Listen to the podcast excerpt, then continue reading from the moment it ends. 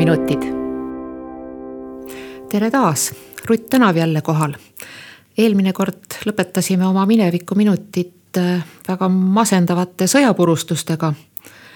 täna aga räägime edasi nõukogudeaegsest eluolust Põltsamaal, mis toimus, mis tehti.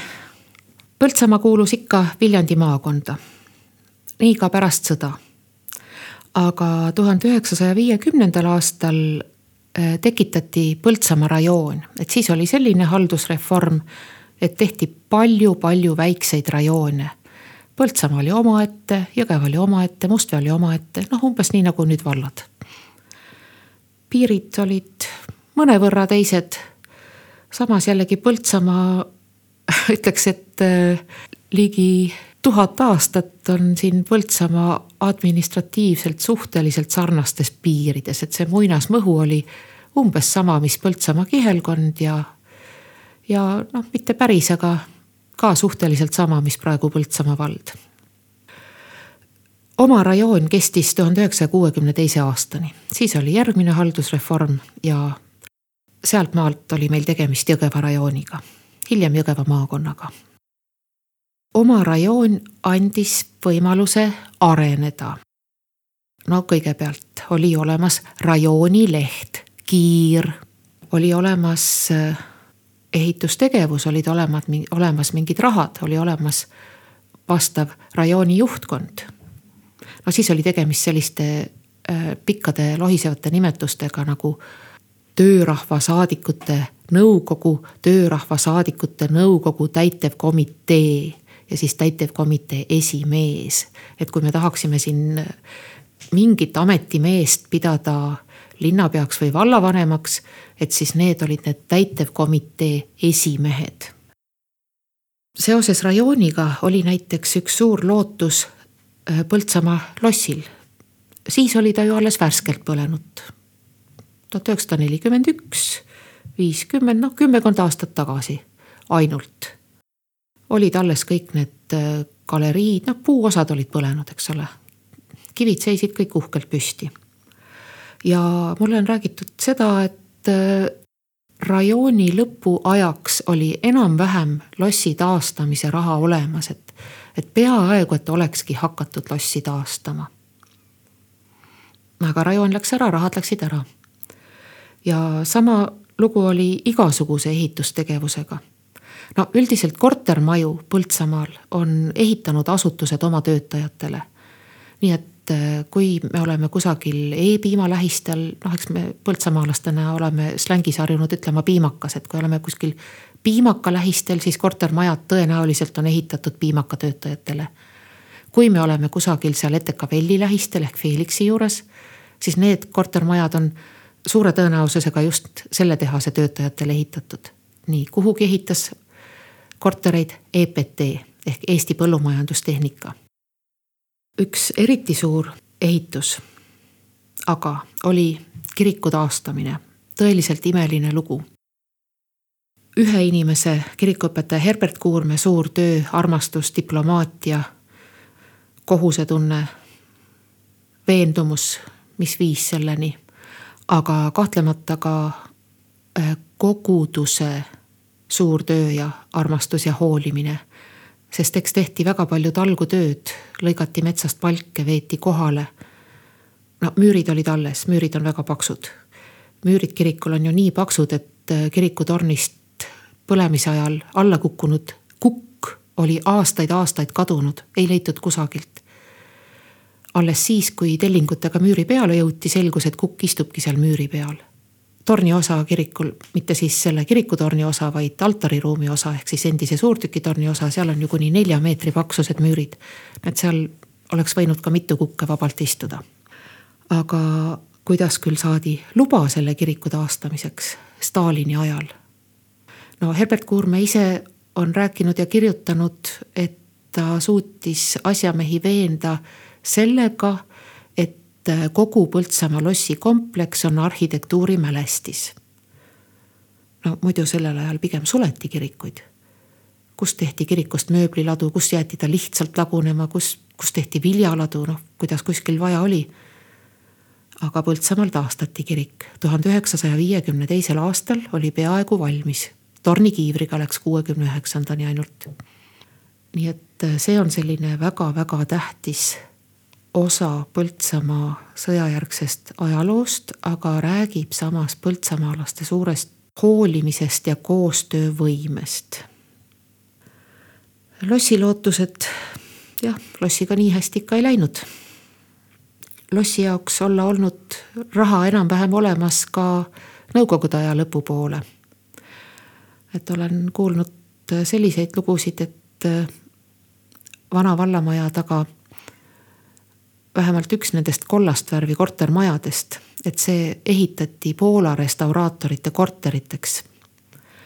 ja, ja noh, seda olen ma ise näinud, et äh, seal varemetes tõesti olid tellingud juba valmis, tellingud, mis jõudsid vahepeal ära mädaneda ja nüüd viimastel aastatel siis tuli ära koristada.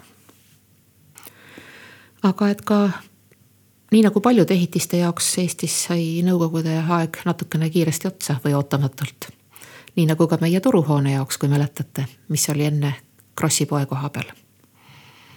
aga kõige suuremaks ettevõtteks, tööandjaks, töötegijaks, firmaks nõukogude ajal tuleb vast lugeda Põltsamaa EPT-d. ehk EPT on lahti seletatult Eesti põllumajandustehnika no kohe pärast sõda hakati tekitama MTJ-e ehk masinatraktorijaamu. näiteks Kiriklas on MTJ sees olnud, kontor sellel MTJ-il.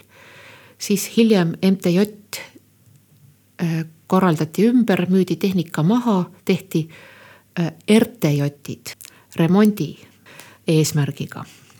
et äh, masinaid neil enam ei pidanud enam olema, aga siis remontimine ja ja siis edasi tuli EPT.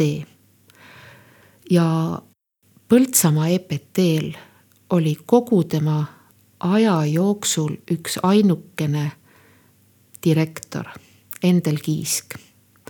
Endel Kiisk on rääkinud äh, põllumajandusmuuseumile, Anne Greišanile ja olen lugenud seda intervjuud ning äh, selles Endel Kiisk räägib, et kui tema tuhande üheksasaja kuuekümnendal aastal Põltsamaale tuli, siis ta oli vist kõige noorem RTJ-i direktor üldse. ja lõpuks läks niimoodi, et kogu süsteemis oli tema ainuke, kes oli kuni selle EPT süsteemi laialisaatmiseni juhataja koha peal, no juhataja või direktori.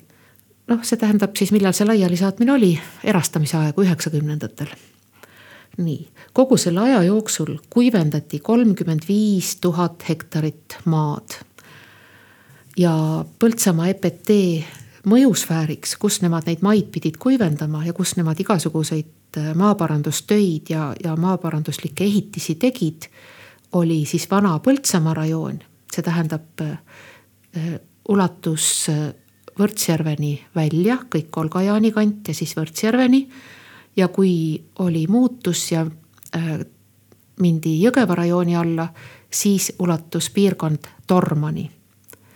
EPT tehtud on Aidu järv. see on ka asi, mida ma ise mäletan, kui seal olid veel liivahunnikud ja väikesed augud ainult, kus supelda. et endine Kibja talu raba tehti siis äh, Paisjärveks. samamoodi laiusel Rutikveres, siis tehti poldrisüsteeme, siis näiteks Adavere näidissofoosi ja Jõgeva näidissofoosi vihmutussüsteemid.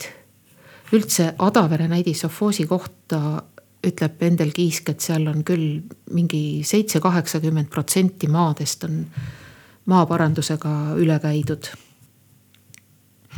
töötajaid oli EPT-l keskmiselt kolme-neljasaja vahel. aga mingitel suvistel sellistel kiirematel tööperioodidel on olnud isegi kuni tuhat töötajat, nii et noh, see on konkurentsitult kahtlemata Põltsamaal suurim ettevõte. ja EPT ehitas ka Põltsamaa linna hulgaliselt kortereid. lõpupoole tekkisid sinna EPT oma linnakusse ehk siis sinna Roosiaia kanti kortermajad, aga kõik hooned, mis on seal Roosiaia lähistel, need on ju EPT ehitatud. näiteks see saunujula, mis meil on. ega siis ei lubatud ehitada saunujulaid. ametlikult avati ta tuletõrje veevõtukohana. nii et selline tuletõrje veevõtukoht. ja vana spordihoone, sellega oli ka niimoodi, et ametlik avamine oli laohoone. pärast selgus, et oo näe spordihoone ja ohoo, lammutati mingi müür vahelt maha, tuli välja, et oi, baar on ka. et selliseid asju poleks tohtinud olla. aga tehti. EPT töötajatest oli niimoodi, et seal oli väga palju haritud inimesi üheksakümnendateks laialimineku ajaks oli kakskümmend seitse kõrgharidusega spetsialisti. Ja samas EPT oli ka selline tööandja, kes võttis tööle paljusid endisi kolhoosi esimehi. et kolhoosi esimehe amet oli päris mitmekülgne amet. mõned ei tahtnud ise sellist keerulist asja kaua pidada, mõned lasti mingitel, kas siis tegelikel või otsitud põhjustel lahti. ja nii, et äh, ka üksteist endist kolhoosi esimeest oli mingil hetkel, mingil ühel hetkel, ühel ajal EPT-s tööl. ja oma noorsoost kasvas juurde kõrgharidusega spetsialiste, kellest paljud läksid ka EPT-süsteemi keskaparaati ja see tuli jällegi kohalikule Põltsamaa EPT-le kasuks, et, et üksteist oma inimest oli juba Tallinnas tööl, et alati oli võimalik rääkida välja neid asju, mida vaja. ja kes on veel ehitanud kortermaju Põltsamaale, üks omaette plokk on ju Lillevere.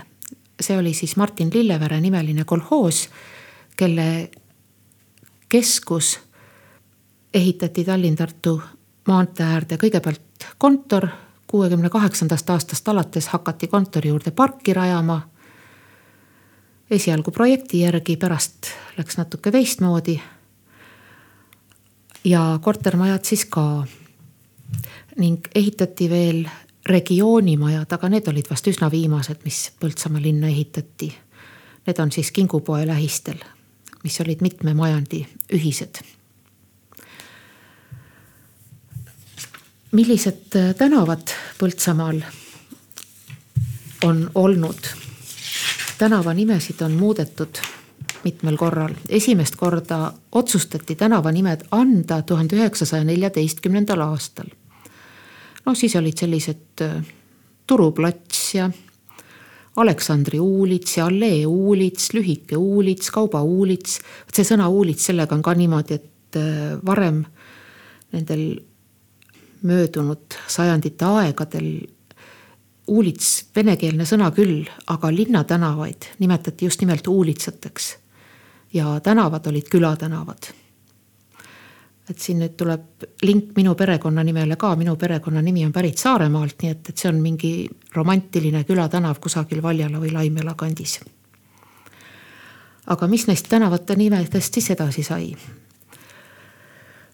turuplats, see oli siis see praegune haljasala, mis on Paala ja ütleme muusikakooli ukse ees. see oli siis pikka aega turuplats, noh oligi turg. Lossi tänav praegune, see oli Aleksandri uulits, no see on muidugi keisrihärra nime järgi, kuidas siis teisiti. nii, kandis vahepeal ka Konstantin Pätsi nime, Adolf Hitleri nime ja kogu nõukogude aeg läks Viktor Kingissepa nime all ja üheksakümnendatest siis uuesti Lossi tänav. Allee uulits nimetati suureks puiesteeks ja see on Karl-August Hermanni tänav. see Kase allee, mis viib Lossi peaalleest alates kuni Pika tänava lõpuni Kaarli mõisa poole.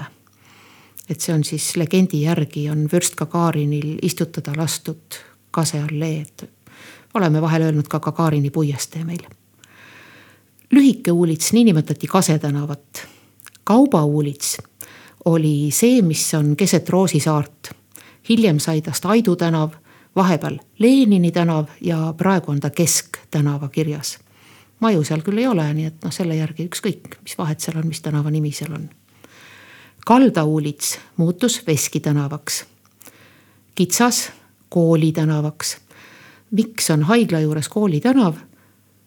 no sellest võib ka aru saada, sest et see haigla kõige vanem osa, et see oligi ju enne kool. Jõgeva maantee oli ka Aidu tänav. aga Jõgeva maantee on olnud ka Peterburi uulits ja siin on nüüd selline loogika, et seda teed mööda on võimalik sõita Jõgevale ja Jõgevalt minna rongi peale. ja siis ei ole enam üldse palju aega, kui oledki Peterburis. siis on üks selline huvitav nimi Kihelkonna uulits Kihelkonna uulits läks pastoraadi tagant pärast sai sellest Kuperjanovi tänav, siis ühe punase mässaja järgi Miku tänav, siis Suure Oktoobri ja praegu on ta ikka jälle Kuperjanovi tänav. praegust Allika tänavat nimetati Jeruusalemma uulits, no ikka pastoraadi olemasolu tõttu. Nurme tänav nimetati nõukogude ajal Pasternaki tänavaks, kuna Pasternak oli see ohvitser, kelle juhtimisel äh, jutumärkides vabastati Põltsamaa tuhande üheksasaja neljakümne neljandal aastal. Jaama tänav oli Jaan Anvelti tänav nõukogude ajal. Anvelt äh, oli ka üks kommunistlik tegelane, keda loodetavasti kõik on õppinud ajaloos ja ma ei pea seda pikemalt seletama aga tema suguvõsa on siit Põltsamaa kandist pärit. Kirde tänav, väike ja kaugel, nagu ta siit kesklinnast vaadates tundub, aga on olnud nii palju tähtis, et ta on nimetatud Komsomoli tänavaks vahepeal. Komsomol, see oli siis see kommunistlik noorsooühing, kuhu kõik pioneerieast välja kasvanud noored pidid kuuluma. et saada näiteks ülikooli astuda ja, ja siis jäävad veel äh, naaberlinnadega seotud tänavad. Äh, Tallinna maantee on olnud Tallinna uulits ja Paide tänav. ja Viljandi maantee on olnud ka Võhma või Pärnu tänav või maantee. üks huvitav lugu on veel Kuuse tänavaga äh, kahekümne üheksanda aasta planeerimiskava peal on Kuuse tänavat nimetatud staadioni tänavaks, sest et jalgpallistaadion ju ehitati sinna Kuuse tänava äärde. kui ma nüüd jutuga juba Kuuse tänavale jõudsin, siis räägiksin edasi natukene haiglatest, sest väga-väga paljud põltsamaalased on ju sündinud just nimelt seal Kuuse tänava haiglas, see oli sünnitusmaja. haiglale, polikliinikule ehk siis meditsiinisüsteemile äh, nõukogude aja lõpupoole kuulus päris palju maju Põltsamaal. algus oli muidugi Lossi tänava lõpus see vana kihelkonna kool mis oli tuhande üheksasaja kahekümne kaheksandast aastast alates juba haigla. peaarst doktor Rosin saavutas äh, tuhande üheksasaja kuuekümne viiendaks aastaks selle, et tehti suur-suur juurdeehitus haiglale. nii et see on kuuekümne viiendast aastast. Allika tänaval ehk siis äh, Kirikla hoone. Äh, see oli ka selline no nakkushaigused ja siseosakond. sellest on mul ka isiklikud mälestused äh, vähemalt alates tuhande üheksasaja kuuekümne kaheksandast aastast. kui ma seal väga sageli käisin arstil. ja Kuuse tänava maja, mille doktor Mai Saar oli ehitanud mõttega rajada haigla, kuid kus tema haigla asutamise õigust ei saanud see sai haigla kätte viiekümne kaheksandal aastal seoses laste halvatusega. ja siis oli veel Viljandi maanteel äh, tuhande üheksasaja kolmekümne teisel aastal spetsiaalselt vallamaja jaoks ehitatud hoone, vallamaja. see oli polikliinik nii et seal sai ka päris palju käia, seal oli siis lastearst, kelle juures käia, seal oli hambaarst, kelle juures käia, no kõik muud spetsialistid ka. Lõpuks perearstid olid ka veel seal enne seda, kuni, kuni kogu maja anti vallale tagasi. ja kui ma korraks mainisin nüüd laste halvatust taas, seda, mis oli tuhande üheksasaja viiekümne kaheksandal aastal. ja no see oli nii kole see oli nii kole asi, see nakkus läks tõenäoliselt lahti augustikuus turult. nii et jällegi hügieeniprobleemid, palju inimesi, pesemata käed, pesemata puuviljad, juurviljad. ja üle saja inimese sai nakkuse, aga laste halvatusega noh, ta teeb inimese vigaseks, halvab mingeid närve. ja nii vigaseks teeb, milliseid närve tema halvab ja oli olemas ka suur surmaoht. et kui viirus tabab hingamislihaseid mõjutavaid närve, siis ei saa hingamislihased töötada, inimene ei saa hingata, lämbub. ja äh, siis äh, anti meditsiinisüsteemi käsutusse lisaks sellele Kuuse tänava majale ka lennukeid sest kohapeal ei ole ju hingamisaparaate, vähemalt mitte mitut. ka Tartus ei olnud nii palju hingamisaparaate kui vaja, vaid Kuningamäe lennuväljalt, sellelt lennuväljalt, mida siis enne sõda juba Punavägi oli hakanud rajama. sealt viidi haiged Riia hingamiskeskusesse. ja lennuväli toimis ka mitte ainult sõjaväelise lennuväljana, vaid ka tsiviillennundusega ja Põltsamaalt oli näiteks võimalik lennata Viljandisse ja Tartusse. ja on räägitud näiteks sellist lugu, et enne kui septembris jälle kool algab, augustikuus, siis on ikka perekondadel vaja väga palju asju osta. lastele uusi riideid ja koolivarustust ja ranitsad ja kõike, kõike. ja noh, kaugeltki kõike Põltsamaalt ei saanud Äh, ja selline tore lugu näiteks, et noh, vaatasime Põltsamaal, Põltsamaalt ei saanud, läksime lennuväljale. lendasime Viljandisse. Viljandist, no saime, ei saanud, kõik ikka ei saanud. Edasi Tartusse ja õhtuks Põltsamaalt tagasi, nii et selline kaubareis, ühepäevane kaubareis. lennukiga Viljandisse, siis Tartusse ja jälle Põltsamaale tagasi aga kaubandusega oli muidu jah niimoodi, et ega kõik nüüd ei lennanud, mõned sõitsid autoga ka, et, et perekondadel oli kombeks käia koolieelseid oste sooritamas näiteks Võhmas ja Suure-Jaanis, et seal oli kaubandus kuidagi parem, vähemalt selles osas. mis Põltsamaal endal oli, Konsumi maja oli siis tarbijate kooperatiivi oma, nii nagu ta praegu on Põltsamaa Majandusühisuse oma ja seal oli suur universaalkauplus, võiks öelda kaubamaja. ja eraldi oli kultuurikaupade osakond. ja no kingupood ehitati kunagi ka, see oli siis, oligi niimoodi majatarbed ja ehitusmaterjalid. Eraldi oli kulinaariapood. lemmikupood praeguses Ergo kindlustuse majas. Tartu pood Tartu maantee ääres oli selliseid söögikohti nagu kurvibaar, et kurvibaar on see, mis praegu on siis Vaga Maama. ta on nüüd muidugi täitsa uuena üles ehitatud, aga varem oli siis pisikene, pisikene sihuke einelaud, kus sai vees keedetud sardelli ja hapukapsaid. selline nõukogudeaegne bussi ootamise põhiroog. no Puhuristis oli ka üks einelaud nimega Turist, seni kuni üks veoauto sinna sisse sõitis üldse putkasid oli päris palju nõukogude ajal igal pool. üks minu nõukogudeaegne lapsepõlve mälestus Põltsamaast on ka lõbustuspark. Nõukogude Liidus olid ka lõbustuspargid normeeritud vastavalt linna suurusele, vähemalt selline mulje mul on jäänud. et käisin kunagi Kohtla-Järve omas, seal oli võib-olla kümmekond atraktsiooni aga Jõgeva ja Põltsamaa ühe suurusega olid sellised äh, väikesed, kus oli põtrade ja hobustega karussell, kus oli kaks lennukit, paadikujulised kiiged. ja rohkemat ma ei mäletagi et selline väike lõbustuspark raamatukogu taga. ja lõbustuspargist edasi natukene kultuurist veel. raamatukogu juurde juba jõudsimegi.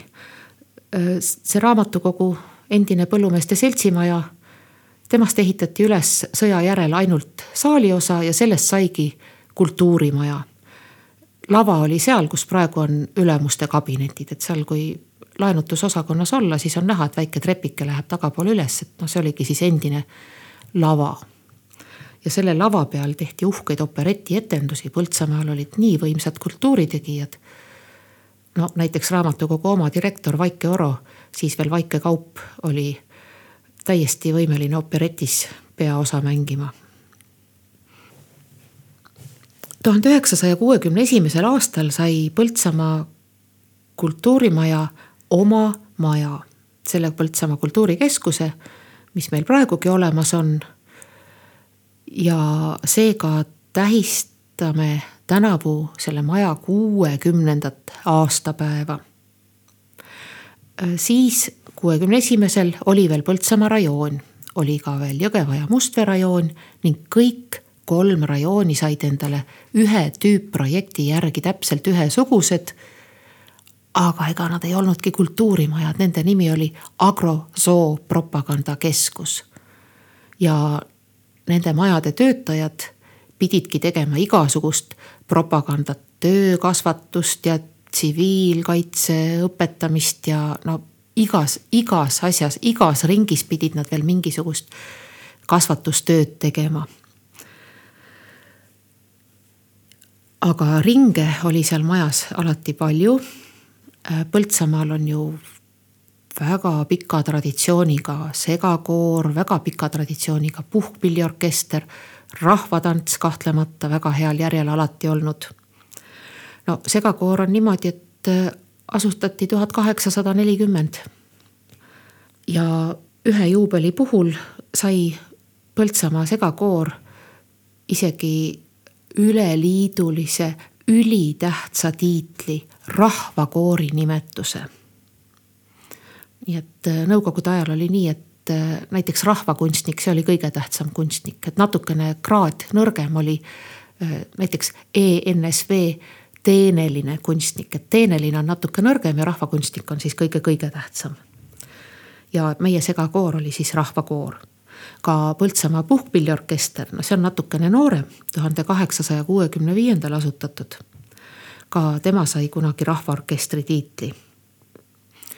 ja rahvatantsijad on meil ka alati olnud nii tublid, et alati on pääsenud laulu, vabandust, jah, tantsupeole. nõukogude ajal oli selle kultuuriasjaga niimoodi, et igasuguste ürituste kohta tuli kirjutada põhjalikud stsenaariumid ehk kavad. ja need kavad ehk stsenaariumid, need tuli kirjutada niimoodi õigesti. et seal oleks seda punast propagandat kenasti sees ja, ja, ja kui need olid olemas, pikad ja põhjalikud ja piisavalt punased, siis võis tegelikult üritustel teha just täpselt seda, mis ise taheti no üks väga tähtis propagandaliik oli kahtlemata teaduslik ateism.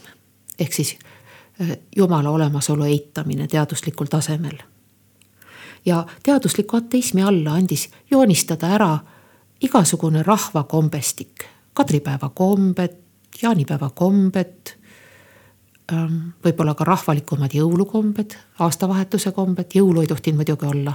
kuuseoksa ei tohtinud ka majas olla jõulude aegu alles kahekümne seitsmendal detsembril tohtis tuua kuuse sisse ja siis oli kohe pidu ka. Ja äh, nõukogude ajal olid olemas ka igasugused sotsialistlikud võistlused. noh, sisuliselt lihtsalt võistlused mingisuguste töötulemuste võrdlemise alusel. ja sotsialistliku võistluse tulemuste alusel kuulutati Põltsamaa kultuurimaja Nõukogude Liidu parimaks kultuurimajaks et selline lugu on meil juhtunud. ja Põltsamaa kultuurimajas aastakümneid aastakümneid on olnud juhiks Sirje Tuula ja töötanud on seal peaaegu sama kaua ka Senta Bergman ja Tiina Rohtväli. nii et noh, see on kogu nende kolme pikk elutöö. hea sõnaga mäletatakse nõukogudeaegsest kultuurimajast teatripäevi. märts on teatavasti teatrikuu ja nõukogude ajal oli siis selline komme, et teatrikuu ajal kõik, kõik tähtsad teatrid, kõik olid tähtsad. Tallinnas mitu tükki, Tartus Vanemuine, Viljandi Sugala, Pärnus Endla, siis küll teise nimega, Lydia Koidula nimeline. ja Rakvere teater muidugi, kõik andsid külalisetendusi ja tõid ikka oma, oma paremad ja, ja kuulsamad tükid kohale ja alati pärast etendust oli ka suur pidu, uhke pidulaud ja tohutu rahvas koos. ja need pidulauad, need olid äh, siis äh, korraldatud äh, kohalike suuremate asutuste poolt, eelkõige mäletatakse Lillevere kolhoosi ja ka Põltsamaa EPT tehtud pidulaudu. ja Põltsamaal üldse korraldati võimsaid pidusid, rahvas oli väga kokkuhoidev. rahvas hoolis väga rahvuslikkusest. ja rahvas tegi ise väga palju, et ka Põltsamaa segakoori suured peod, puhkpilliorkestri suured peod, noh nendest on palju-palju mälestusi.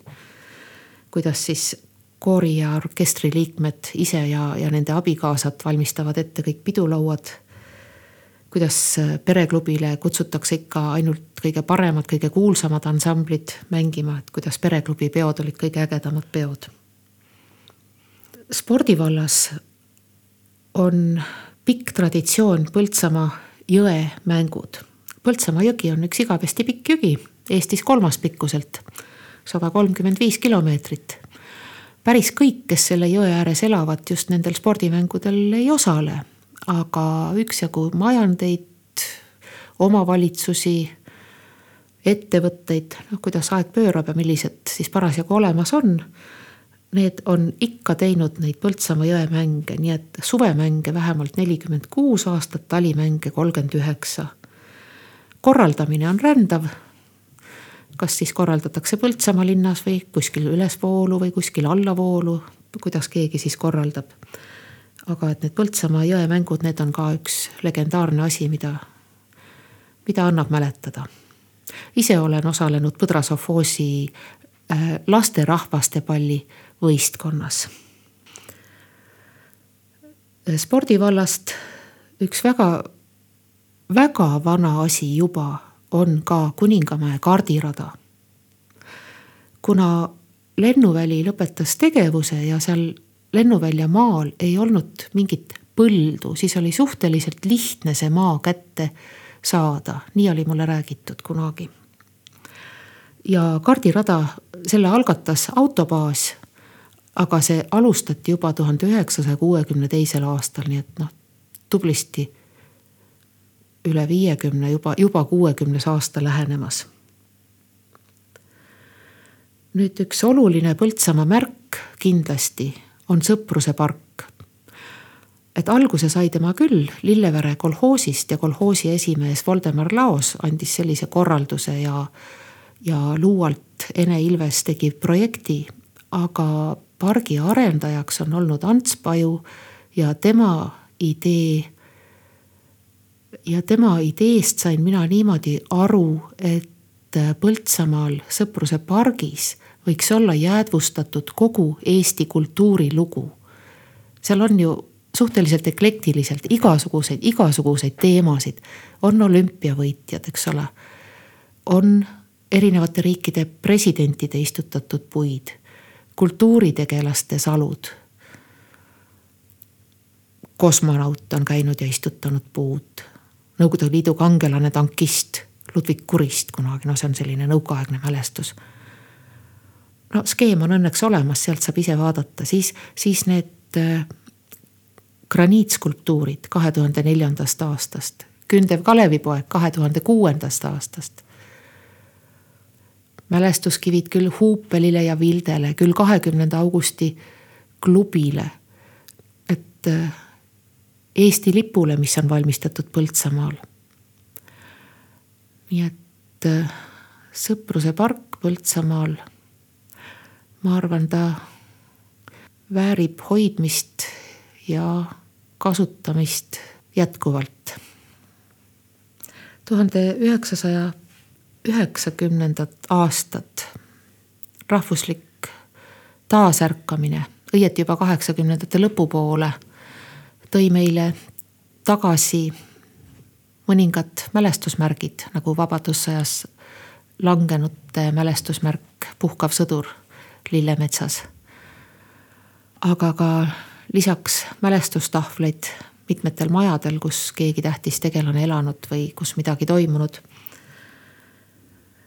Kaheksakümnendatel aastatel hakati rääkima ka Põltsamaale muuseumi asutamisest. tasapisi saadi aru, kaaludes erinevaid võimalikke asukohti, et kõige õigem oleks ta ikkagi teha sinna lossikompleksi aga läks kümmekond aastat, enne kui ta lõpuks asutatud sai. kümmekond aastat oli juba kogutud museaale, huvikooli.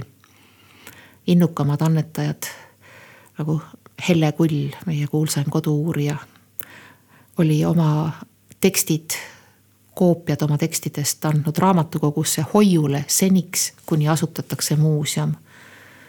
Aleksei Katmaa oli kinkinud väga väärika vana kasetohust karjapasuna kah juba pikka aega tagasi. heinajoost Tiiu Pihlakas järjekindlalt ajasid muudkui asja, et Põltsamaale peab saama muuseum, Põltsamaale peab saama muuseum. umbes nii, et, et volikogu istungid olid nii nagu, nagu kunagi öeldi iga koosoleku lõpus. Kartaago tuleb vallutada, nii meil oli, et muuseum tuleb luua, muuseum tuleb luua ja üheksakümne seitsmendal aastal ta siis loodud sai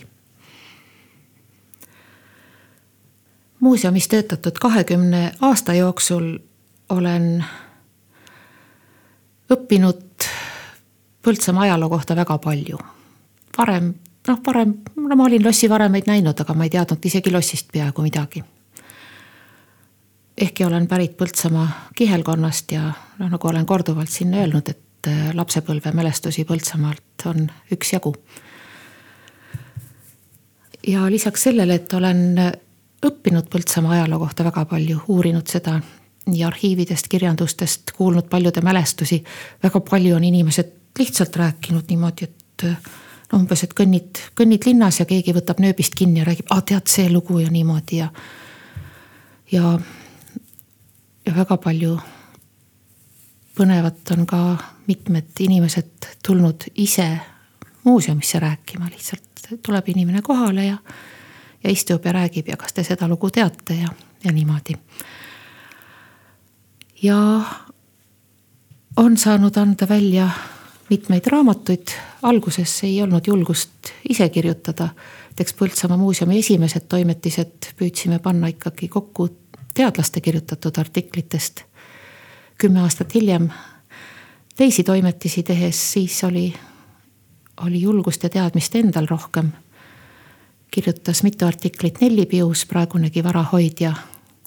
ja kirjutasin ise ning lisaks saime oma lemmikkodu uurijatelt Anne Hütilt ja Vilja Rootsilt artikleid.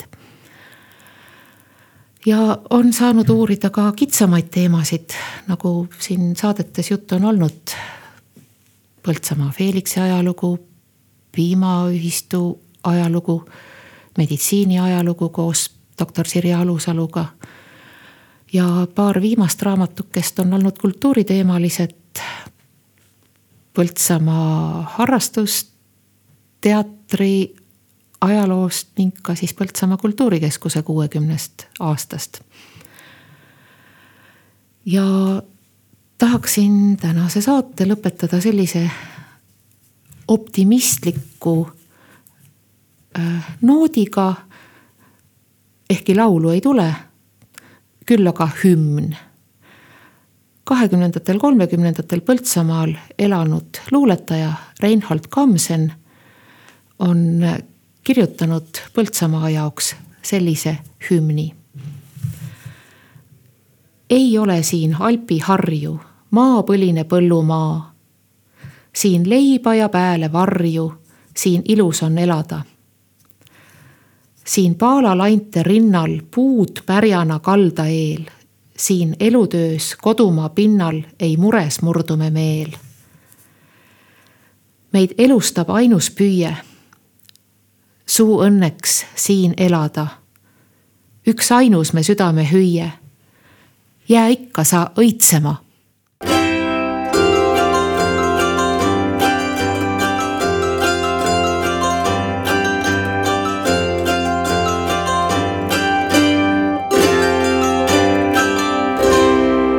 minevikuminutid